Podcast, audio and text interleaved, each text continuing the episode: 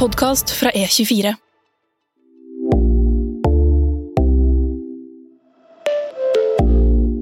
Velkommen til Voksenpoeng med meg, journalist Nora Rydne i E24. Vi har kommet til eh, episode tre av juleinvesteringssesongen vår, og i denne episoden så har vi dedikert den til deg som vil ha litt mer spennende og risikable aksjer til jul, eller gi dem bort til en venn, da. Og med meg i dag for å snakke om det, så har jeg deg, Synne Westman, aksjeanalytiker i Pareto Securities. Hyggelig. Og du driver jo med litt spennende aksjer Ja, i din portefølje. det er det. Det er uh, veldig mye spennende. Um, jeg eh, holdt på å si vokste opp med oljeserviceaksjer. Det var det jeg dekket uh, i starten. Mm. Uh, og det er jo typisk aksjer som er en ja, godt eksponert mot det som skjer i uh, oljeverden. Eh, og så begynte jeg å dekke mer fornybar for eh, halvannet år siden. Ikke sant? Eh, og der er det også mye som skjer. Så du har både brune og grønne skumle aksjer. Det er bra. Da har vi noe, et tips der allerede, hvis du har jævlig vågale aksjer. Oljeservice. Oljeservice. Hva er det som kjennetegner de liksom mest risikable aksjene, ville du sagt, Synne? Ja, man skal jo huske at aksjer er jo litt risikable uansett. Mm. Eh, Det er derfor man eh, ja, man investerer for å få en høyere avkastning enn det man kan få i banken, men det betyr også at du tar eh, en litt høyere risiko. Og så er det da noen aksjer som kan ja, hva skal jeg si, by på enda høyere avkastning enn det. Men da er det også Ja, du må være forberedt på at du kan miste alt hvis eh, det går galt. Ikke sant? Eh, og eh, det er jo typisk altså Litt mer risikable aksjer er jo gjerne knyttet til litt mer sykliske industrier. Det er litt mer boom and bust, som vi kaller det. Ting går veldig fort opp, og så kan det gå veldig fort ned. Ah, Eh, ellers så er det jo også mye vekstaksjer, eller si konseptaksjer, der man har en teknologi som kan bli kjempespennende i fremtiden. Eh, eller eh, man har en eh, medisin som kan kurere korona, men det får vi se hvordan det går. Så det er, det er kanskje litt mer binært da, enn en sånn steady as she goes eh, kontantstrøm. ikke sant? Og det, sånn sett så kan det jo passe ganske bra som en julegave, da. Fordi ikke sant, du investerer jo ikke 50 000 og gir til en venn. Nei. Det er kanskje noen hundrelapper. Noen hundrelapper, og kanskje kan det masse. Det er et slags, kanskje et flakslodd. Ja, ja sånn sett. Sånn, dere pleier jo å si, dere aksjefolk, at uh, du skal ikke investere mer enn du har råd til å tape. Og som julegave ja, Du har jo råd til å tape en julegave. Ikke sant? Spennende. Uh, men uh, ja, da er vi jo inne på dette med sparehorisont, da. Ja. Hva Hvem egner liksom risikable aksjer seg til, sånn når man tenker på hvor lenge man har lyst til å sitte på dem? ja, og jeg holdt på å si, det varierer jo litt fra typen risikable aksjer man ser på. Øh, sykliske aksjer skal man jo være litt forsiktig med å eie gjennom sykkelen, for da har det gått ned igjen. Uh, mens eh, disse aksjene der du måte investerer for hva som kan skje om fem til ti år, så eh, er det jo eh, vanskelig da, å vite når man skal si at nok er nok. Fordi det kan være at du har gjort mm, fått en fantastisk avkastning på de hundrelappene du investerte i julegave, men den kan fortsette. Det vet egentlig ingen, takk og pris. Ikke sant? Så ja, vi var jo litt inne på syklisk og um, defensive aksjer Ja. eh, i forrige episode. Men eh, hva mener du med å følge sykkel, eller syklusen? Nei, så eh, ta shipping, da. Uh, er jo eh, flere sektorer som er veldig eksponert mot uh, verdensøkonomien. Og du har også da rett og slett um, x gode år og x dårlige år. Og for all del, ingen sykler er like. Ingen vet helt hvor lenge de varer, ingen vet helt hvor sterke de er på oppsiden eller nedsiden.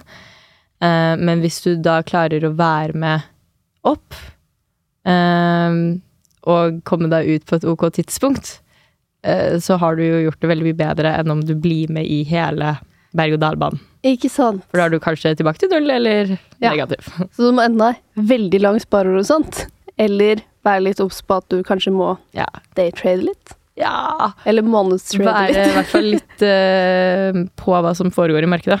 Ja. For det snur fort. Det gjør det jo. Eh, nå, i, ja, nå har vi sett en oljepris som har vært uh, høy og stigende i en periode, men så er den måte lett påvirkelig, da, når det skjer ting i markedet som kan sende den ned et par prosent. Og det påvirker da oljeserviceaksjene eller oljeaksjene Ja. så videre. Sant, de påvirker hverandre, ja. Så du må, hvis du skal gi det bort til en venn, så må du vite at den vennen liksom eh, Når korona kommer, så selg, selg, selg! Nettopp. Nettopp. Ok, og så er det da disse som er sånn Kan bli dritbra, og den kreftmedisinen eller medisinen mot korona kan også bare være dritt Mm. og forsvinne helt. Mm. En fin tommelregel. Men eh, hvor finner man de liksom mest risikable aksjene? Finner man dem på liksom den vanlige Oslo Børs? Ja, det er jo for så vidt eh, Jeg holdt på å si risikable aksjer overalt. Det er eh, flere sykliske selskap som er listet på Oslo Børs. Eh, I tillegg eh, så um, har vi jo det siste drøye året sett en del tidligfaseselskap komme eh, på en børs eller en handelsplass som heter Euronext Growth, gamle Merkur. Ja. Uh, og det er jo i nettopp navnet uh, en handelsplass for growth-aksjer som skal vokse, og som kanskje har en litt annen uh, hva skal jeg si, kontantstrøm og inntektsprofil i dag, men igjen da om x år så kan dette bli betydelig, da. Så det betyr egentlig at mange av de uh, selskapene ikke egentlig tjener penger ennå. Ja, mange av de tjener ikke penger ennå. De, er i en, eh, de har hentet penger og gått på børs for å ha tilgang til kapitalmarkedene for å kunne investere i teknologi og eh, selskaper fremover. Og det er risky. Det er risky. Det, og igjen, sant, som du sa med kreftmedisinen, enten funker den, eller så funker den ikke, men det vet vi ikke. Ok, Så hvis du skal se etter sånn skikkelig sånn spennende, kan bli den nye Tesla, eller kan bli bare dritt, Mm. da går du på Euronext Growth. Ja, det kan i hvert fall begynne å gå gjennom der og se Ja. om du finner noen morsomme case eller selskap. Så det er der du begynner på Merkur, da, kanskje? Hvis Kanskje. du har lyst til å gi bort en skikkelig spennende aksje. Ja. Hva ville du sett etter hvis du skulle gitt en skikkelig sånn artig aksje til en venn til jul? Ja, det er et godt spørsmål. Um, nå er det jo veldig mye forskjellig uh, å velge mellom der ute. Ehm, kanskje Jeg vet at vennen min er veldig interessert i um, det grønne skiftet. Ah. Ikke sant? Typisk. Uh, veldig i vinden. Eh, kanskje vi da kan finne en aksje f.eks. innen hydrogen, som folk sier eh, Eller som vi forventer at kommer til å være en megatrend de neste tiårene. Men fortsatt på et stadig dag der grønn hydrogen eller elektrolyse ikke har um, er kostnadseffektivt, da. Men det kan skje fort. Så da kan jeg gi eh, vennen min et par hundre kroner med hydrogenaksjer. Ja. Og så ser vi hvordan det går. Spennende. Ja, det er veldig mange som vil ha grønne aksjer. Og så har jeg lurt på, liksom, fins det egentlig noen trygge grønne aksjer? Eller er alle risky?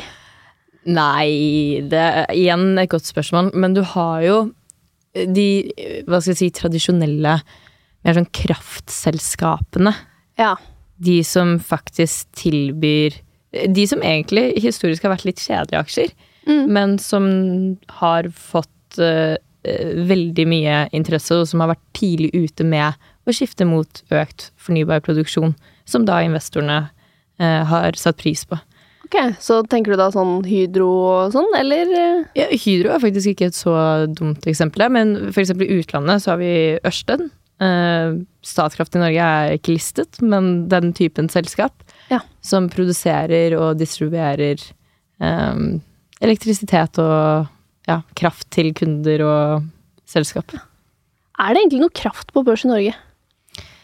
Eh, ja, det er noen litt mindre selskap. Ja. Eh, Oh, spennende. Risikabel. Nei, det er faktisk eh, ikke så eh, Eller igjen, alltid en risiko. Mm. Men dette ene selskapet har både vannkraft og vindkraft. Um, og har på en måte en Vannkraft er jo levetid på 50 til 100 år. Mm. Så ja, du vil få variasjoner med strømpriser som vi ser i dag, eh, sammenlignet med strømprisene vi så i fjor. Det vil jo påvirke litt, men det er veldig langsiktige kontantstrømmer, da. Og så um, har du jo på en måte oppsiden der, det risikable, for all del. Det kan også ting kan gå galt i produksjonen òg, men det risikable blir jo veksten.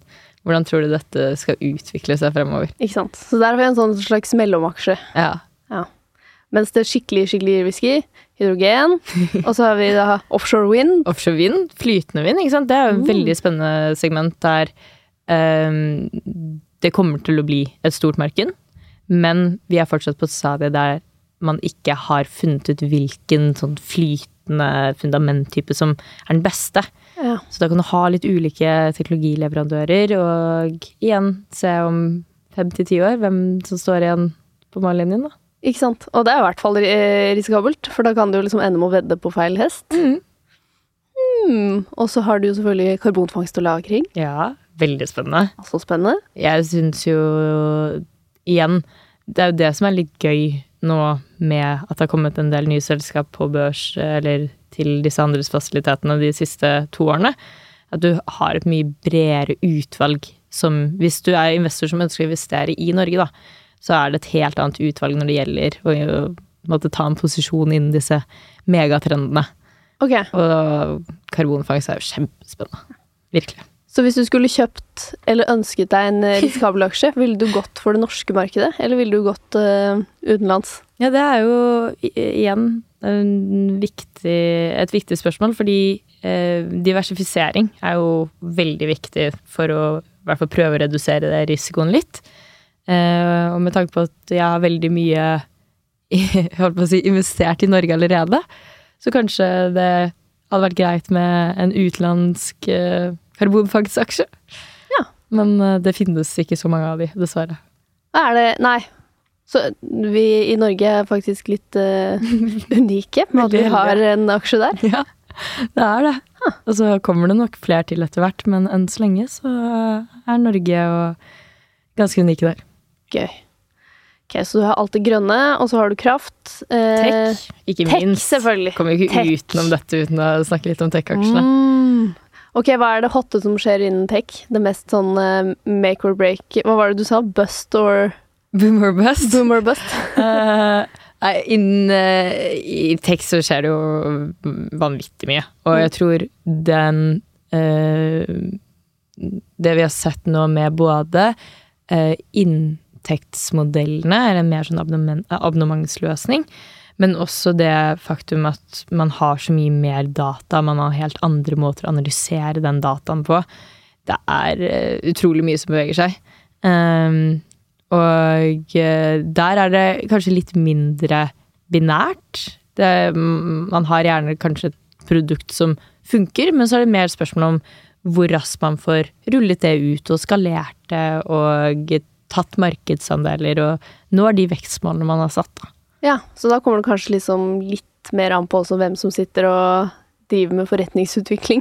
Ja, Og forretningsutvikling og Medisin. Mm, Ikke sant? Og også andre aktører i markedet er jo konkurransebildet hvis du og jeg tilbyr ca. samme produkt, Mm. men eh, ja, hvem er først? Men du er Steve Jobs, og jeg er Jeg vet ikke hvem som tapte mot Steve Jobs.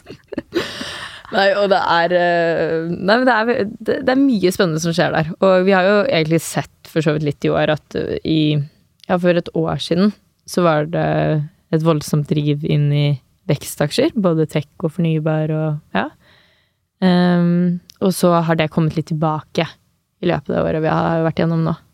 Så vi ser jo at uh, eh, kanskje risikovilligheten har endret seg litt. Man er litt usikker på hva inflasjon, hvordan det kommer til å slå inn i fremtidig inntjening og verdi, verdsettelser.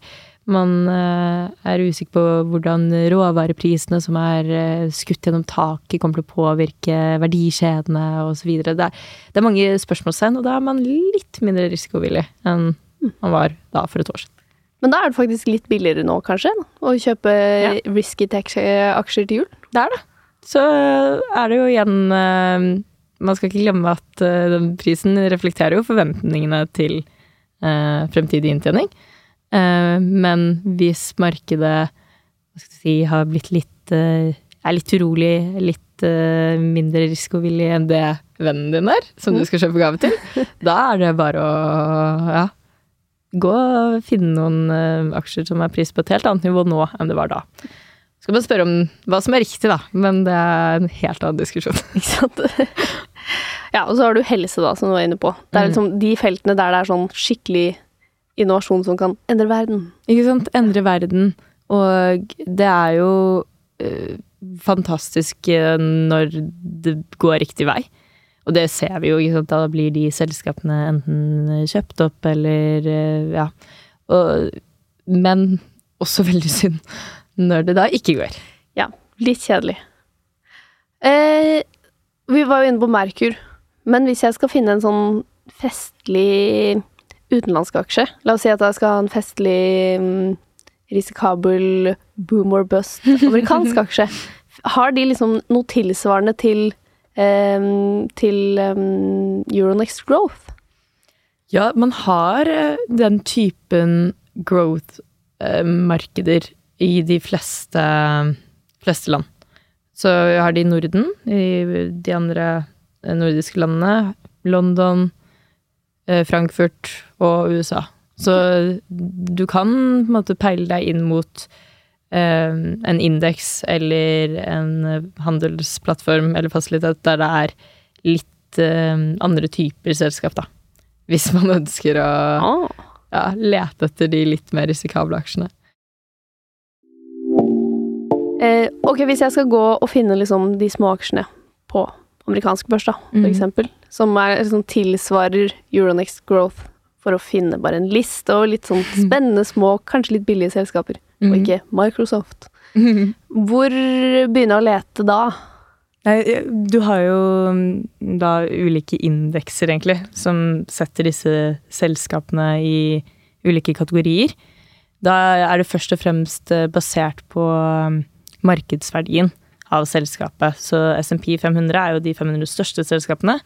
Men så har du også da eh, SMP 400, som er midcap-selskapene. Så da en litt annen range. Mm. Eller, eh, ja. Og så har du SMP 600, som er de litt mindre selskapene. Okay. Og da kan du begynne å trykke deg gjennom og se om det er noe spenstige aksjer man kan plukke opp. Men jeg vil ikke anbefale det som en investeringsstrategi å begynne å gå gjennom Nei, ulike, ulike børser for å Ja. se um, ja, om Det- man finner noe spennende. Det er nok greit å lese litt om det og forstå Prøve, i hvert fall, å forstå um, den risikoen som ligger bak den eventuelle oppsiden. Ja. Det er det viktigste uh, man gjør. Det er bra å understreke. Ikke, ikke bare kjøp alle aksjene på SMP Ikke bare gjør 600.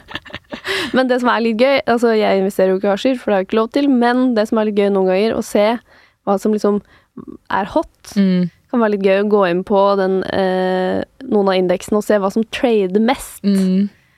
Det, sånn pleier jeg å være sånn Hvilke skal jeg lese om i dag? Ja, og vi kommer jo ikke utenom faktisk å snakke om risikable aksjer og USA uten å nevne den meme-hypen som vi har sett. Som er jo helt eh, Jeg tror ingen hadde forventet at noe slikt kunne skje, men det er rett og slett eh, ja, forum på nett klarte å hause opp ulike aksjer som andre institusjonelle eller andre retail også, for så vidt, har sagt at eh, jo, men er ikke dette et selskap i konkurs? Nei, det er det ikke. Og nå skal vi forklare deg hvorfor. Og så klarer de å skvise ut de institusjonelle som kanskje ligger såkalt short den aksjen. Ikke sant? Det kan jo også være en artig julegave. Det er, en, det er i hvert fall en veldig spennende julegave, det er det. Der kan det virkelig gå opp og veldig fort ned igjen. Litt av aksje i GameStop. Ikke Det sant? blir bra. Ikke sant? Eh, så har du jo også et eh, Elon Musk-problem med å bruke han som bjellesau. Vil du anbefale det? Eh, eh, Problemet er vel at det er nesten for sent, ikke sant? Når han Ja. først har tweetet. Så ikke gjør det. Nei, Kanskje. så når eh, Igjen, krypto har vi heller ikke nevnt. Jeg er ikke investert i krypto selv, og, ja, men har ikke sett så mye på det. Men jeg syns det er fascinerende at eh, Elon kan tvitre litt, og så slår det ganske hardt ut. Ja, det blir en helt egen episode med krypto til jul. Veldig bra. Vi får ta Veldig den bra. neste, neste jul.